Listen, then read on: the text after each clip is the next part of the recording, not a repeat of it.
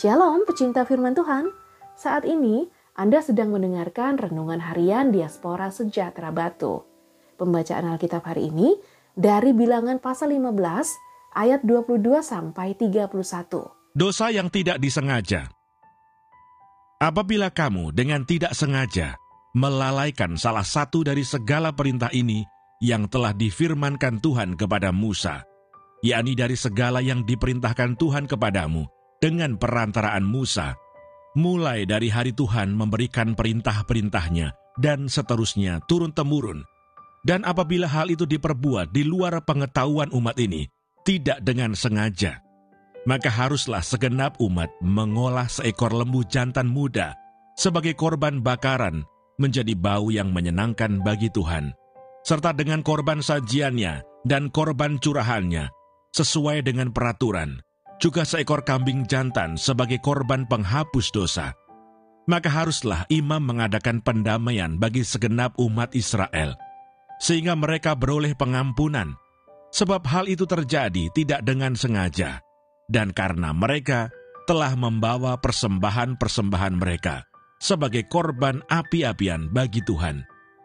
Juga korban penghapus dosa mereka di hadapan Tuhan karena hal yang tidak disengaja itu segenap umat Israel akan beroleh pengampunan, juga orang asing yang tinggal di tengah-tengahmu, karena hal itu dilakukan oleh seluruh bangsa itu dengan tidak sengaja. Apabila satu orang saja berbuat dosa dengan tidak sengaja, maka haruslah ia mempersembahkan kambing betina berumur setahun sebagai korban penghapus dosa. Dan imam haruslah mengadakan pendamaian di hadapan Tuhan bagi orang yang dengan tidak sengaja berbuat dosa itu sehingga orang itu beroleh pengampunan karena telah diadakan pendamaian baginya. Baik bagi orang Israel asli maupun bagi orang asing yang tinggal di tengah-tengah kamu. Satu hukum saja berlaku bagi mereka berkenaan dengan orang yang berbuat dosa dengan tidak sengaja. Tetapi orang yang berbuat sesuatu dengan sengaja, baik orang Israel asli, baik orang asing, orang itu menjadi penista Tuhan ia harus dilenyapkan dari tengah-tengah bangsanya, sebab ia telah memandang hina terhadap firman Tuhan dan merombak perintahnya. Pastilah orang itu dilenyapkan, kesalahannya akan tertimpa atasnya. Ayat Masari ini dari kita bilangan pasal 15 ayat 30. Tetapi orang yang berbuat sesuatu dengan sengaja, baik orang Israel asli, baik orang asing, orang itu menjadi penista Tuhan. Ia harus dilenyapkan dari tengah-tengah bangsanya. Bilangan 15 ayat 30. Renungan hari ini berjudul Para Penista Tuhan. Penista dari kata dasar nista artinya adalah yang pertama hina, rendah. Yang kedua tidak enak didengar. Yang ketiga aib, celah, noda. Dalam Kamus Besar Bahasa Indonesia, penistaan adalah proses, cara, perbuatan menistakan. Sedangkan penista adalah orang yang melakukan penistaan.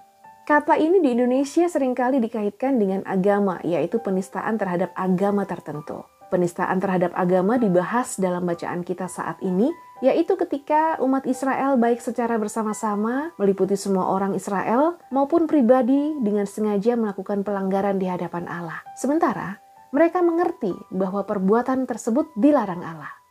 Dengan sengaja melakukan dosa, padahal mengerti kebenaran Allah, maka mereka menjadi penista Tuhan. Mereka memandang hina firman Tuhan dan merombak perintahnya. Konsekuensinya, mereka harus dilenyapkan. Dari peristiwa ini mari kita menyadari dan bertobat. Sebab sering kali kita menempatkan diri kita sebagai penista Tuhan. Kita sering kali memandang rendah firman Tuhan dan bahkan sering kali merubah firman demi alasan tertentu yang bertujuan untuk membenarkan diri sendiri. Ketika kita merendahkan firman dan ajaran Tuhan, kita juga sedang merendahkan Tuhan. Allah sampai saat ini masih memberikan kesempatan kepada setiap kita untuk bertobat. Oleh karena itu, pergunakanlah kesempatan tersebut dengan sebaik mungkin dan mulailah menghargai, menghormati Tuhan dan firman-Nya, baik firman yang tertulis maupun firman yang menjadi manusia. Jangan membiarkan diri kita menjadi penista Tuhan, sebab Dia dapat meninggalkan kita seorang diri.